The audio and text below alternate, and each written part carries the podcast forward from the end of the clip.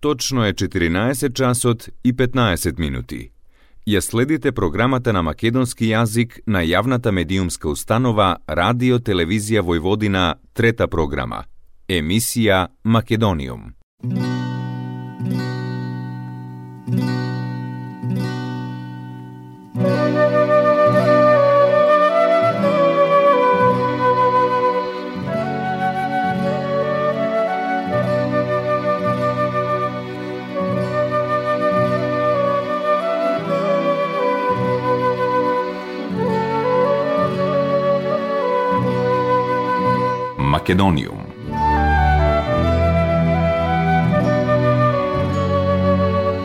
Добар ден и добре дојдовте во најновото издание на емисијата Македониум.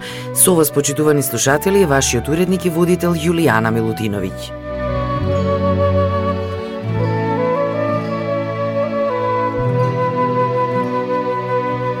Македониум.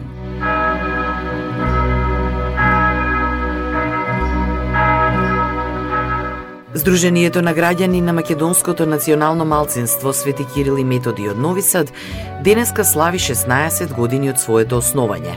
16 години Сдруженијето го негува и промовира македонското творештво, со што придонесува за јакнењето, одржувањето и славењето на македонската култура, јазик и творештво на мапата на националните заедници во Србија. Сдруженијето е непартиска, невладина и непрофитабилна организација во која доброволно се здружуваат граѓани од Јужнобачкиот округ, кои со заеднички активности ја негуваат македонската традиција и и обичаите од земјата, ги чуваат националниот и културен идентитет и го негуваат македонскиот јазик. Секако соработуваат со сличните здруженија на територијата на Република Србија. Во здружението се развиваат пријателските и добрососедски односи помеѓу граѓаните на другите национални заедници во Војводина и Република Србија. Свети Кирил и Методи ги одбележува сите значајни датуми за македонците со богати културно-уметнички програми, а денот на Сдруженијето е денот на македонските просветители, светите браќа Кирил и Методи 24 мај.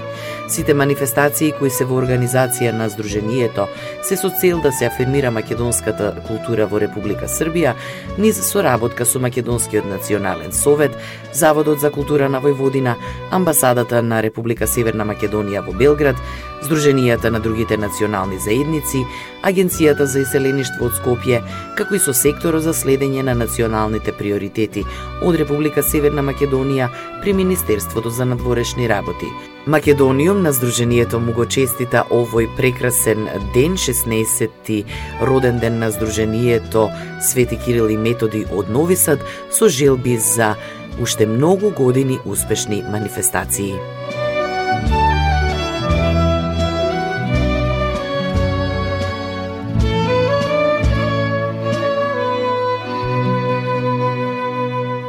Македониум.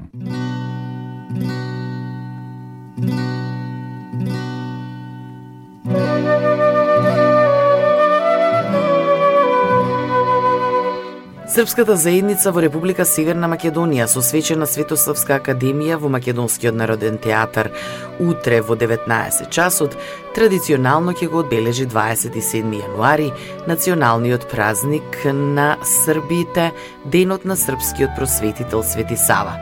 Свети Сава е символ на нашето творештво низ векови, наш корен на животот, нашето чувство за време, историја и судбина на нашиот народ.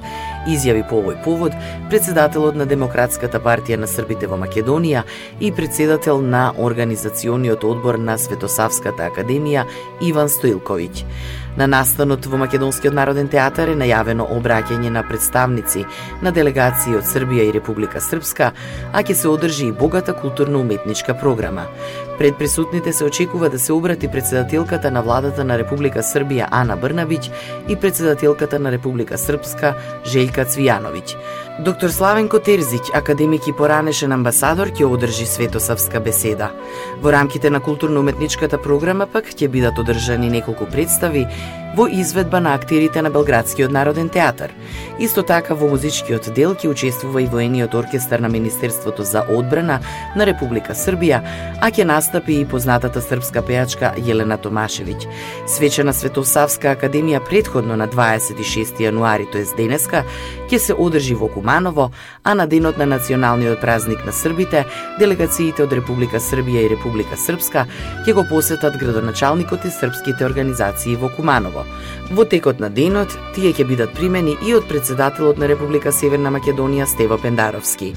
Директниот пренос на свечената Светосавска академија во Скопје по повод националниот празник на србите во Македонија со почеток во 19 часот ќе биде извршен од Македонската радиотелевизија, четвртиот канал, како што најави Стоилковиќ, во согласност со Законот за празниците на Република Македонија, 27 јануари, утре, Свети Сава, е неработен ден за припадниците на српската заедница во Република Северна Македонија. Воедно Министерството за труд и социјална политика на сите граѓани, припадници на српската заедница, им го честита празникот Свети Сава.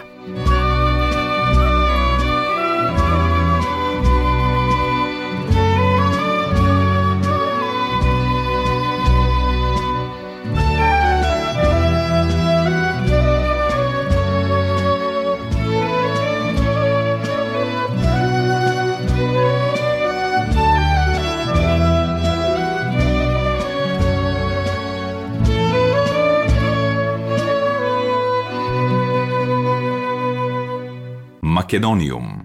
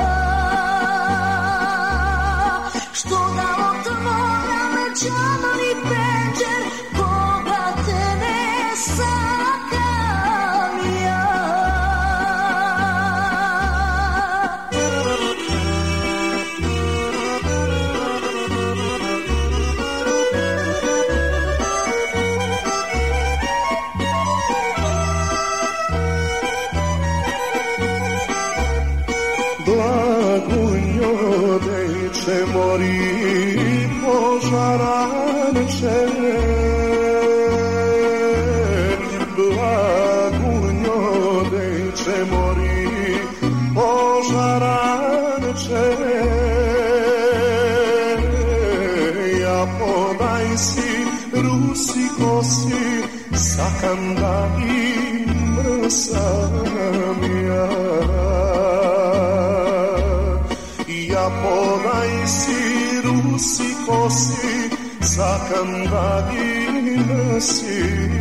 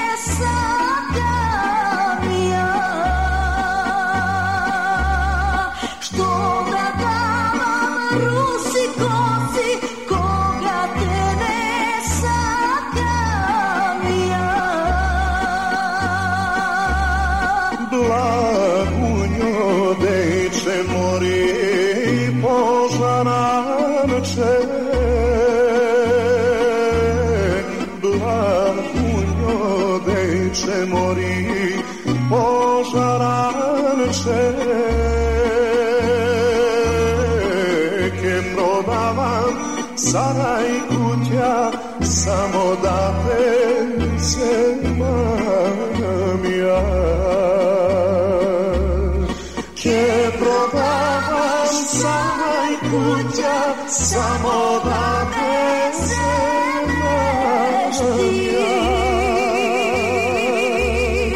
Kje prodavaš samo kuća, samo da me znaš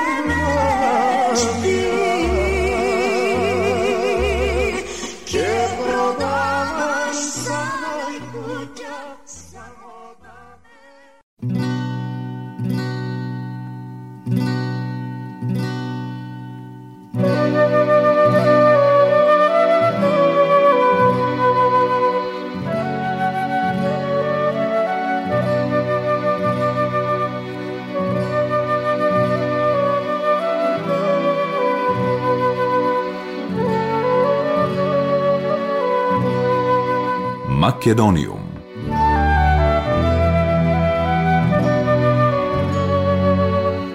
Над 40 странски македонисти и слависти од 17 земји од 24 до 29 јануари учествуваат на втората зимска школа на меѓународниот семинар за македонски јазик, литература и култура при Универзитетот Свети Кирил и Методи во Скопје, што се одржува виртуелно.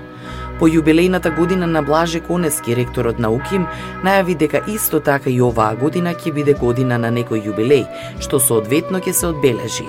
Со оваа втора зимска школа сакаме да покажеме дека сме подготвени и таа да стане еден вид традиција, и тоа токму во годината кога Меѓународниот семинар за литература и култура ќе прослави 50 години од отпочнување на работа на некогашниот семинар за македонски јазик, порача ректорот на УКИМ професор доктор Никола Јанкуловски во обраќањето на свеченото отворање на школата пред два дена. Учесниците на школата се од Австралија, Бугарија, Велика Британија, Грција, Италија, Полска, Руската Федерација, Соединетите Американски држави, Словачка, Словенија, Србија, Турција, Унгарија, Франција, Хрватска, Чешката република и Швајцарија започнаа со интензивна работа секој ден до сабота. За секоја група се одржуваат по 6 часа дневно. Организирани се лекторски групи за сите нивоа, почетно, средно и напреднато, со две поднивоа за јазик и за литература. Наставата за групите ја изведуваат лектори и професори на македонскиот јазик. По завршувањето на програмата предвидена за школата, ќе се одржи виртуелна средба на учесниците и пополнување на книга со впечатоци, што ќе овозможи насоки и видувања за идните активности на семинарот. Зимската школа првпат се одржа минатата година како прва активност во рамките на програмата за одбележување на големиот јубилеј 100 години од раѓањето на Блаже Конески и значајно дополнување на редовните активности на семинарот покрај летната школа која што традиционално се одржува во Охрид и годинава ќе одбележи јубилеј 55 години. Македониум.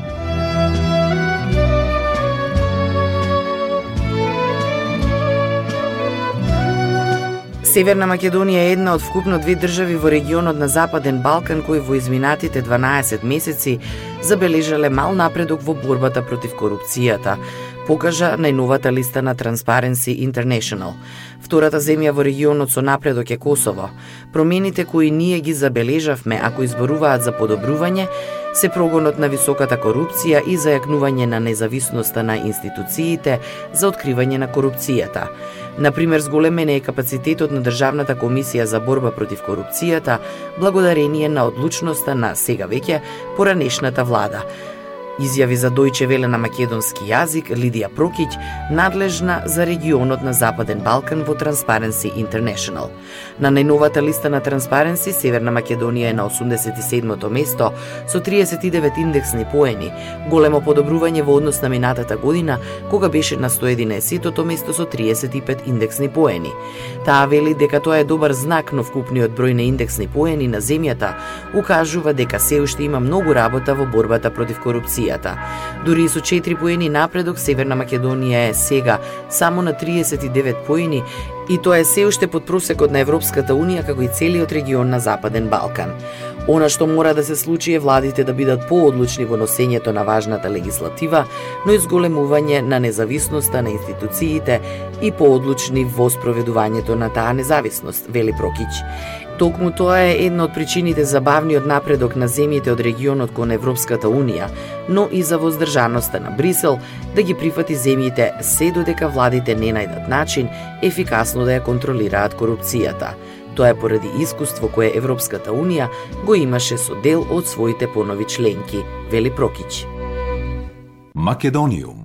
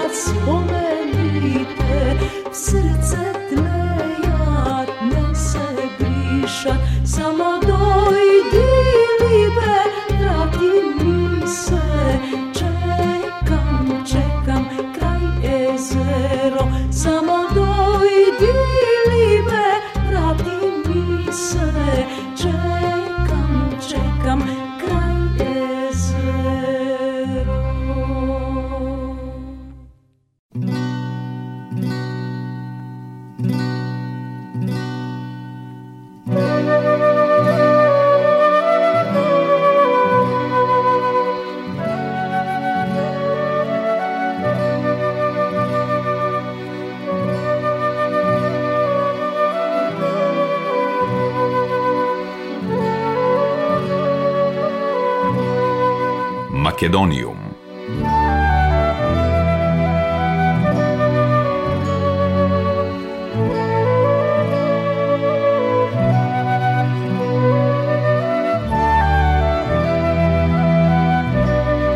Отворените прашања треба да се решаваат во целина, што треба да представува одредена рамка, која пак ќе биде поврзана со кревањето на ветото од бугарска страна и одржување на првата меѓувладина конференција на Северна Македонија со Европската Унија, брифира премиерот Димитар Ковачевски за македонските новинари по завршувањето на меѓувладината седница на двете држави која се одржа во Софија.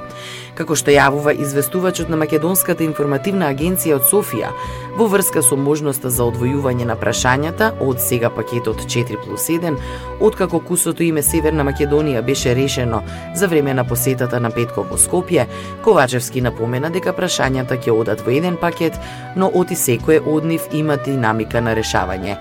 Како што истакна премиерот при решавањето на политичките прашања со Софија, треба да се придржуваме до резолуцијата која е донесена во Собранието на Северна Македонија и поддржана од сите политички партии, нагласувајќи оти точките не треба да се гледаат како тешки и лесни, доколку постои подготвеност за постигнување компромис. Ковачевски брифингот го одржа посредбата со бугарскиот председател Румен Радев, кој на разговорите, како што истакна премиерот, го реафирмирал ставот во однос на политичките прашања од бугарската страна, но напоменал и дека го поддржува новиот импулс на диалогот кој го даваат двајцата нови премиери. Во однос на неговиот впечаток од средбите кои ги имаше денеска и вчера во Софија, за тоа дали има приближување меѓу двете страни во однос на пакетот политички прашања, Ковачевски брифираше дека на разговорите за заедничката седница воопшто не се разговарало за тоа. Тоа е, како што рече, работа на Министерствата за надворешни работи, кои ги имаат целосните капацитети и ќе се посветат на приближување на позициите меѓу двете држави. Премиерот на Република Северна Македонија Ковачевски истакна дека решението меѓу двете земји пред се треба да биде базирано на европските вредности во интерес на граѓаните на двете земји, да биде институционално поддржано од двете страни и да доведе до одржување на првата меѓувладина конференција. За тоа дали постигнатото решение би било вметнато во договорот за добрососедство или би се носел евентуално нов договор, како и за тоа дали би се дало на одобрување во собранието, Тој истакна дека е легалист и оти сите одлуки ќе се носат согласно законите. Нагласи дека има одлуки кои ги носи владата, има одлуки кои ги носи собранието, а има одлуки кои ги подпишува председателот. Во однос на вметнувањето на бугарите во уставот Ковачевски нагласи дека тоа е процес што треба да ги помине сите фази кои предвидуваат промена на уставот и нагласи дека таа промена ќе биде поврзана со евроинтегративниот процес во земјата. Во однос на заштитата на малцинствата, истакна дека ситуацијата во нашата земја е јасна, дека индивидуалните права се остваруваат колективно, но оти има држави во кои што тоа не е случај каква што е Бугарија. Затоа, дали воопшто на средбите станало збор за македонското малцинство, тој брифира оти во случајот со Бугарија постојат и други механизми за заштита на нечии права во односот на нивното самоопределување, разни меѓународни институции како што е Советот на Европа. Македониум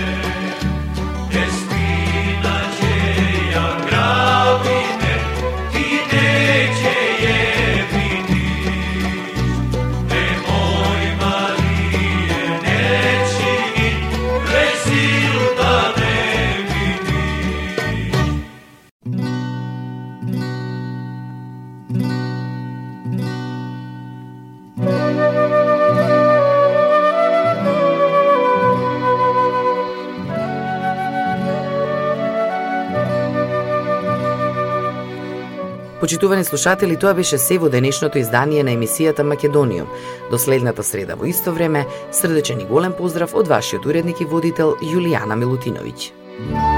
Ја следевте програмата на македонски јазик, емисија Македониум. Главен и одговорен уредник Воин Поповиќ.